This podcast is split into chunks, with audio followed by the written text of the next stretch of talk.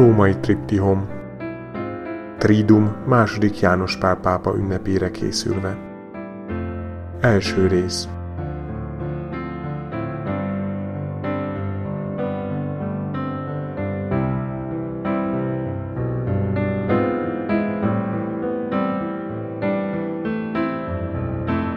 Ha forrásra akarsz állni, a magasba kell törnöd az árral szemben. Kedves testvérek, ezen a három alkalmon megpróbáljuk ezt, hogy elkezdjük keresni a forrást, és majd igyekszünk a magasba törni, hát valóban az árral szemben. Nagyon köszönöm Bence atyának, hogy átengedte nekem ezt a prédikációt a mai estére és a holnapra. Elmélkedésünknek az az alapja, hogy valóban jövő csütörtökön lesz az emléknapja második János Pál pápának, mert hogy a első nyilvános beiktatási miséjét választotta az egyház az emlékezésre, de annyira követjük valóban a történetet, hogy éppen ma 42 esztendővel ezelőtt, pont ilyenkor így fél hét előtt valamivel lett kihirdetve, hogy a nyolcadik szavazáson megválasztották őt pápának, és a második János Pál nevet vette föl. És ezzel megkezdődött egy 27 évig tartó gyönyörű pápai szolgálat, ami valóban alkalmas arra, hogy egy picit gondolkodjunk az ő életén. A forrás az ennek az egésznek a kurszava most. Ő fiatal korában jelentős irodalmi munkássággal rendelkezett, irodalmilag is, teológiailag is, meg fizi, fizio, na, filozófiailag is. Jelentős műveket írt, terjedelmes drámákat, például az Ószövetség nagyjairól, színpadi műveket a lengyel történelemnek a nagyszerű eseményeiről, számtalan költeményt és különleges műveket, mint például az Aranyművesboltját a házasságról, mi Urunk testvére című munkáját Albert testvérről, de hát nyilván a pápaság alatt a világegyház kormányzásában nem tudott annyit alkotni irodalmilag, és valahogy érdekes módon 82 évesen, 2002-ben újra irodalmi művet alkotott, de egy nagyon rövidet. Mindössze 40 oldal ez a mű, az a címe, hogy Római Triptihon. Nagyon sűrű, nagyon mély gondolatok és üzenetek vannak benne, és én ezért megkockáztatom, hogy ez az ő főműve. Olyan, mint az öreg Johann Sebastian Bach, aki 12 hangból öregen, nem sokkal a halál előtt megkomponálta a főművét, a fuga művészetét. Nagyon mély és szoros egység van benne ebben a műben, mert filozófiailag nagyon mély, teológiailag meg nagyon magas, irodalmilag pedig nagyon szép. És ez a három együtt valami olyasmit ad ki, amin csak csodálkozni tudunk. Mai este az ámulatról lesz szó, hogy mit jelent álmélkodni Isten szépségén a természeten keresztül, a kereső ember ilyen. Holnap látni tanít minket a pápa a Sixtusi kápolna freskóin, nézzük majd az emberi út kezdetét és végét, vasárnap pedig a Moria hegyére fogunk fölmenni Ábrahámmal és az ő fiával, és remélhetőleg megtaláljuk a forrást, aki Isten. Hát induljunk el most ezen a szép belső lelki úton. Az első az ámulat, a teremtés szépsége, a teremtett világnak a szépsége lesz a kiinduló pontunk. Képzeljünk el egy nagyon szép erdőt, amilyen itt a Pilisbe is van sok forrással, patakokkal, különböző kacskaringos erdejutakkal. Így kezdődik a triptihon. Erdei ösvény kanyarog lefelé a hegyi patakok ritmusára, és a ritmus téged nyilatkoztat ki, örökké való ige. Ez a lefelé kanyargó ösvény, meg a hegyi patak, ez a szimbolikában, ami Szent Atyánál sokszor előjön, ez magának az emberi életnek az útja ami úgy kanyarog, ahogyan ez a patak, illetve ez az erdei ösvény. De itt lefelé kanyarog ez az út, és lefelé sodródik a patak is. Utána azzal folytatja, hogy mi csodás a te hallgatásod. Itt arról van szó, hogy nincs még Istennek neve, fölfedezhetjük az alkotót, de ő még ott hallgat. De nem akárhogyan, hanem csodálatosan. Ebben van azért valami különlegesség, hogy azért mégiscsak hallunk valamit, amikor nézzük a természet szépségét. De nincs még hang. Majd a harmadik elmélkedésben jelenik meg Ábrahám esetében az, hogy Isten hangja, hogy hall egy hangot. Mi csodás a te hallgatásod. Az erdei kanyarulattal minden lejtőn a mélybe hull, mind abban, amit magával ragad, az ezüstösen csillogó patak. De hová ragad? Itt van egy kérdéses mondat. És itt valóban a, az igaz Isten kereső ember képe jelenik meg, aki, aki akkor van a helyén, hogyha fölteszi ezeket az alapvető kérdéseket. Hogy hova fogunk mi kerülni? Merre tart az életünk? Mi a mi életünknek az alapvetése? Miért? Mi véget történünk velé minden? Ezt a kérdést teszi fel a kereső ember, amikor fölfedezi az alkotót. És ezért ez a tapasztalat pontosan egybeillik a katekizmusunk első mondatával, mert az úgy kezdődik, hogy az ember fogékony az Istenre. Így vagyunk megalkotva, hogy fogékonyak vagyunk az Istenre. És ezért nagyon szép ez a három elmélkedés, mert pontosan ezt azt az ember jutat kíséri végig, aki elindul keresni az Istent, és fönt majd ott a hegyen megtalálja. Mit csúsz nekem, te hegyi patak, mely ponton találkozol velem? Hol van az a hely, ahol én találkozhatok az Istennel? Ezek olyan kérdések, amiket érdemes megválaszolnunk. Engedd, hogy itt megálljak. Engedd, hogy megálljak itt a küszöbön. Íme a legegyszerűbb ámulatok egyike. Itt egy küszöbön vagyunk, és olyan, mint ez egy megálló, hogy most, most itt kérjük az Isten, adja meg azt, hogy most itt megálljunk, és, és álmélkodjunk. Utána azt írja, hogy a patak nem álmélkodik, midőn aláhull a mélybe, és a ritmusára az erdők is némán tűnnek tova, hanem az ember álmélkodik. Tudunk-e vajon álmélkodni azokon a szépségeken, amik körülvesznek minket?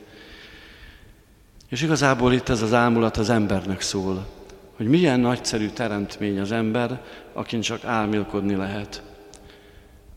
És az álmélkodás nagyon fontos, mert kiveszőben van. Állandóan rohanunk. Olvastam Pálferi atyának most egy cikkét az embermentes napról. Szerdán neki szabad napja van, és azt írja, hogy nem szeret akkor azon a napon emberekkel találkozni, csak egy főhajtással köszönti őket. És fölidéz egy temetést, ahol ott állnak a koporsó körül, és egy 50 éves szívinfarktusban meghalt ember temetnek, akiről azt mondja a temetési beszéd, hogy milyen sok ideje volt ennek az embernek másra, mennyi jót tett, mindenkire volt gondja. És azt mondja Pál Feri, hát csak sajnos magára nem volt gondja. Ez az álmilkodásnak a nagyon szép lehetősége. Rácsodálkozni, én annak idején Thomas Merton könyvein csodálkoztam rá először arra, hogy milyen szép fölfedezni az Istent a világban. Vagy azok az arcok Zefirelő filmjébe például, az a színész, ahogy, ahogy ott nézi a mezők liliomait. Ezek a ámulatok, ezek nagyon szépek. A küszöb mi bensejében a világ átlép az ámulatok küszöbe. Egykor épp ez az ámulat kapta az Ádám nevet, az ember nevet. És itt van az ember. Ha van patak és van erdei út, ami életünk szinonimájaként, akkor kell, hogy legyen egy forrás is, amit meg kell keresnünk. Magányos volt ő ámulatával. A teremmények között, mik nem álmélkodtak, beérték azzal, hogy élnek, majd elmúlnak. És hány ember él így a világon, hogy beérik azzal az egyszerűséggel, hogy csak úgy élnek és elmúlnak, és nincsen tartalma, nincs szépsége. Hát még igénytelenségnek is mondhatjuk ezt, ezt az életet. És el tud kopni nagyon könnyen az álmélkodásról való igényesség. Álmélkodás közepette meg meglovalt az őt, őt elragadó hullámot. Ilyenkor éljük meg azt, az Isten időnként elkap minket. Egy-egy napon, egy-egy élményben, egy-egy szituációban, amikor nem számítunk rá, akkor úgy megfog minket. Nagyon fontos sorok következnek. Mintha csak így szólt volna mindenekhez, állj meg, bennem kitkötőre lesz. Állj meg, bennem kikötőre lesz. Hány olyan pont van az életünkben, amit így gondolhatunk, hogy kikötő, És hányszor hallnak, kell halljuk ezt a mondatot, hogy állj meg, állj meg, ne rohanj, és ezt meghalljuk, meglátjuk, akkor ez a kikötő, ez biztonságot ad.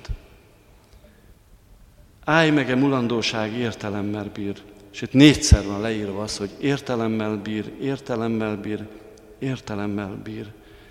Az ember életnek a leges, legfontosabb kérdése, az az értelemre irányuló kérdés. Egy nagyon sokat, és a mulandóság. Nekem valaki föltette azt a kérdést, hogy mi értelme az ember életnek akkor, hogyha úgyis minden mulandó. És azt mondja, meg betegségek vannak, meg tragédiák.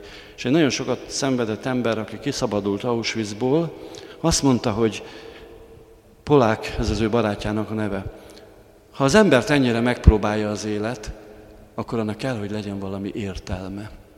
És ezt nekünk keresni kell, majd ebbe segít a második vers. Az ember legfontosabb kérdés. So, nagyon sokat szoktam emlegetni Viktor Franklot, aki az modern korunknak a legjelentősebb gondolkodói közé tartozik. 40 valány könyvet írt az élet értelméről. És az legfontosabb könyvének pont ez a címe, hogy az ember az értelemre irányuló kérdéssel szemben.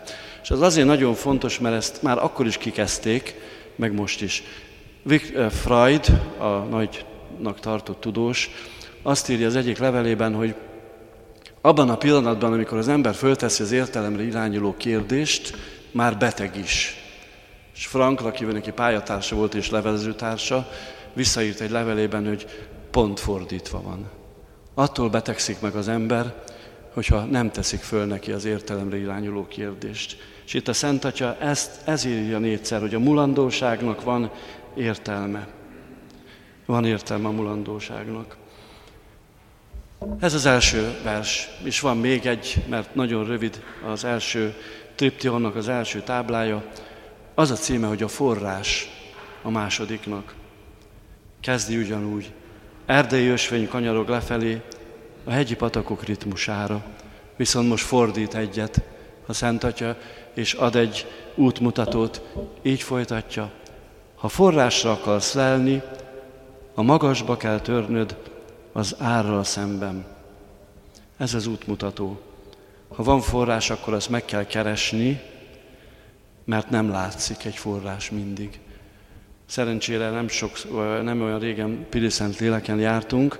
A templomhoz nem messze egy tíz perc útra van egy forrás, Nagyboldog asszony forrás ez a neve, és sokszor oda ki szoktunk menni. Át kell menni mély patakmedreken, meg még egy mély patakmedren, és körülbelül olyan 30-40 méter nagyon erős emelkedővel érhető el a forrás. És mindig, amikor arra megyünk, mindig mondják, akik ott vannak, hogy hát én eddig úgy tudtam, hogy a források azok ott lent vannak valahol úgy alul. És már 20 méterre vagyunk tőle, és mi mindig nem látszik. És egyszer csak úgy odaérkezünk, és ott van gyönyörűen a kristály tiszta vízű forrás. És így folytatja, viaskodj, kutast, ne hátrálj meg, tudod, hogy valahol itt kell lennie, hol vagy hát forrás, hol vagy hát forrás. És nyilván ez a forrás, ez is az Istent jelenti. És a kereső ember keresi. Hol van az a forrás, hol van az igazság, ahogy Ágoston is egész életében kereste ezt az igazságot, és akkor Ambrus mondja neki, hogy nem te fogod megtalálni az igazságot, hanem az igazság fog megtalálni majd téged, és majd így halljuk majd vasárnap. Utána ad egy eszközt az igazság keresésében, a forrás keresésében. Itt van egy szünet a könyvben, és egyetlen szó van ideírva az, hogy csend. A csend. Csermely, terdei csermely, tárt fel előttem titkát. A legnagyobb lelkiségi írók, most legutoljára Szarach Bíboros, csak erről beszél, hogy a csendben lehet csak meghallani Istennek a hangját, és csak csendben lehet megtalálni a forrást. És utána van egy nagyon szép szinte imádság, engedd megnedvesítenem ajkam a forrás vizével, engedd megéreznem üdeségét, éltető üdeségét. Hát, ha egy forrásról azt írja valaki, hogy éltető üdesége van, akkor ebben már nem nehéz meglátni előképként akár a Szamária asszony történetét, az élővizek forrását, akár az eukarisztiának az éltető üdeségét. Tehát itt burkoltan, ebben a csendes keresésben már minden benne van, ami majd beteljesül a következő elmélkedésekben. Hát ennyi a triptyonnak az első táblája. Összegezzük most, miről volt szó. Küszöbön vagyunk, és mennyi mindent láttunk itt ezen a küszöbön. Ezt a csendes hallgatást, ezt a beszédes hallgatást, és megtanít minket látni, azért és álmélkodni, hogy majd be tudjunk lépni a második küszöbön, a Sixtus kápolna küszöbén, ahol már Istennek megjelenik az emberi alakja. És az a feladat most, hogy tanuljunk meg csodálkozni Isten műveinek a szépségén, főleg ebben a mai világban, az árral szemben. Majd erről holnap több szó lesz. És nagyon szép dolgokat lehet látni. Az egész természet tulajdonképpen erről beszél, és meg kell tanulni a mai embernek azt, amit elveszített, szimbolikusan gondolkodni. Én mindenhol el szoktam mondani azt, hogy Nikos Kazanzakisnak van egy szép műve, és abban van talán legszebb hasonlat, ami erről szól, úgy szól, hogy azt mondtam a mandulafának, hogy beszélj nekem Istenről, és a mandulafa kivirágzott. És tele van a világ ilyen jelenségekkel, ahol föl lehet ismerni. Mert valahogy úgy van megalkotva a természet, hogy minden Istenre irányul benne. Minden róla beszél. A természeti jelenségek, egy vihar, egy szikla, egy kő, a víz, a domb, olajfa, minden, minden, amit látunk, az mind róla beszél. Az emberi munka gyümölcse is, ahogy a misében imádkozzuk, az aratók, a pékek, a háziasszonyok, minden, minden rá irányul, csak észre kell ezt venni. Teremtés szépsége, az mindig a teremtő szépségét mutatja meg nekünk, abban tükröződik. Erről ír a katekizmus. Még egy rövid élményemet elmesélném. Pár évvel ezelőtt, talán három éve elmentünk diákokkal a Tátrába, Lengyelországba, és ültünk a libegőn. És mellettem ült egy 11-es fiú, és hát olyant láttunk, hogy szembe a magas tátra 180 fokban, gyönyörű felhő, kék ég, alattunk fújta a szellő a, a búzát, volt ott a tehenész, tehén, amelyik legelt, gyönyörű virágzó fák, és hát ez valami nagyon-nagyon szép volt. Körülbelül fél óráig néztük ezt a szép képet néma csöndbe, és amikor megérkeztünk a végpontra, akkor az a 11-es igazi mai belevaló fiú azt mondta, hogy hát azt hiszem, én először találkoztam az életemben az Istennel. Erről beszél a Szent Atya, amikor tanít minket álmélkodni. Utolsó mondatom az volna, hogy ezt hogy lehet most összekapcsolni az emberi élettel? Maga második János Pál az egyik prédikációjában a következőt mondta. Szentnek lenni azt jelenti, hogy a hegyek felé emeled a szemedet. És ezek nem mindig a valóságos hegyek, hanem azok a belső hegyek, azok a belső források. Ha a forrásra akarsz lelni, a magasba kell törnöd az árral szemben.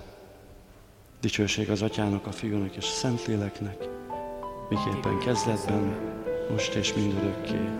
Amen.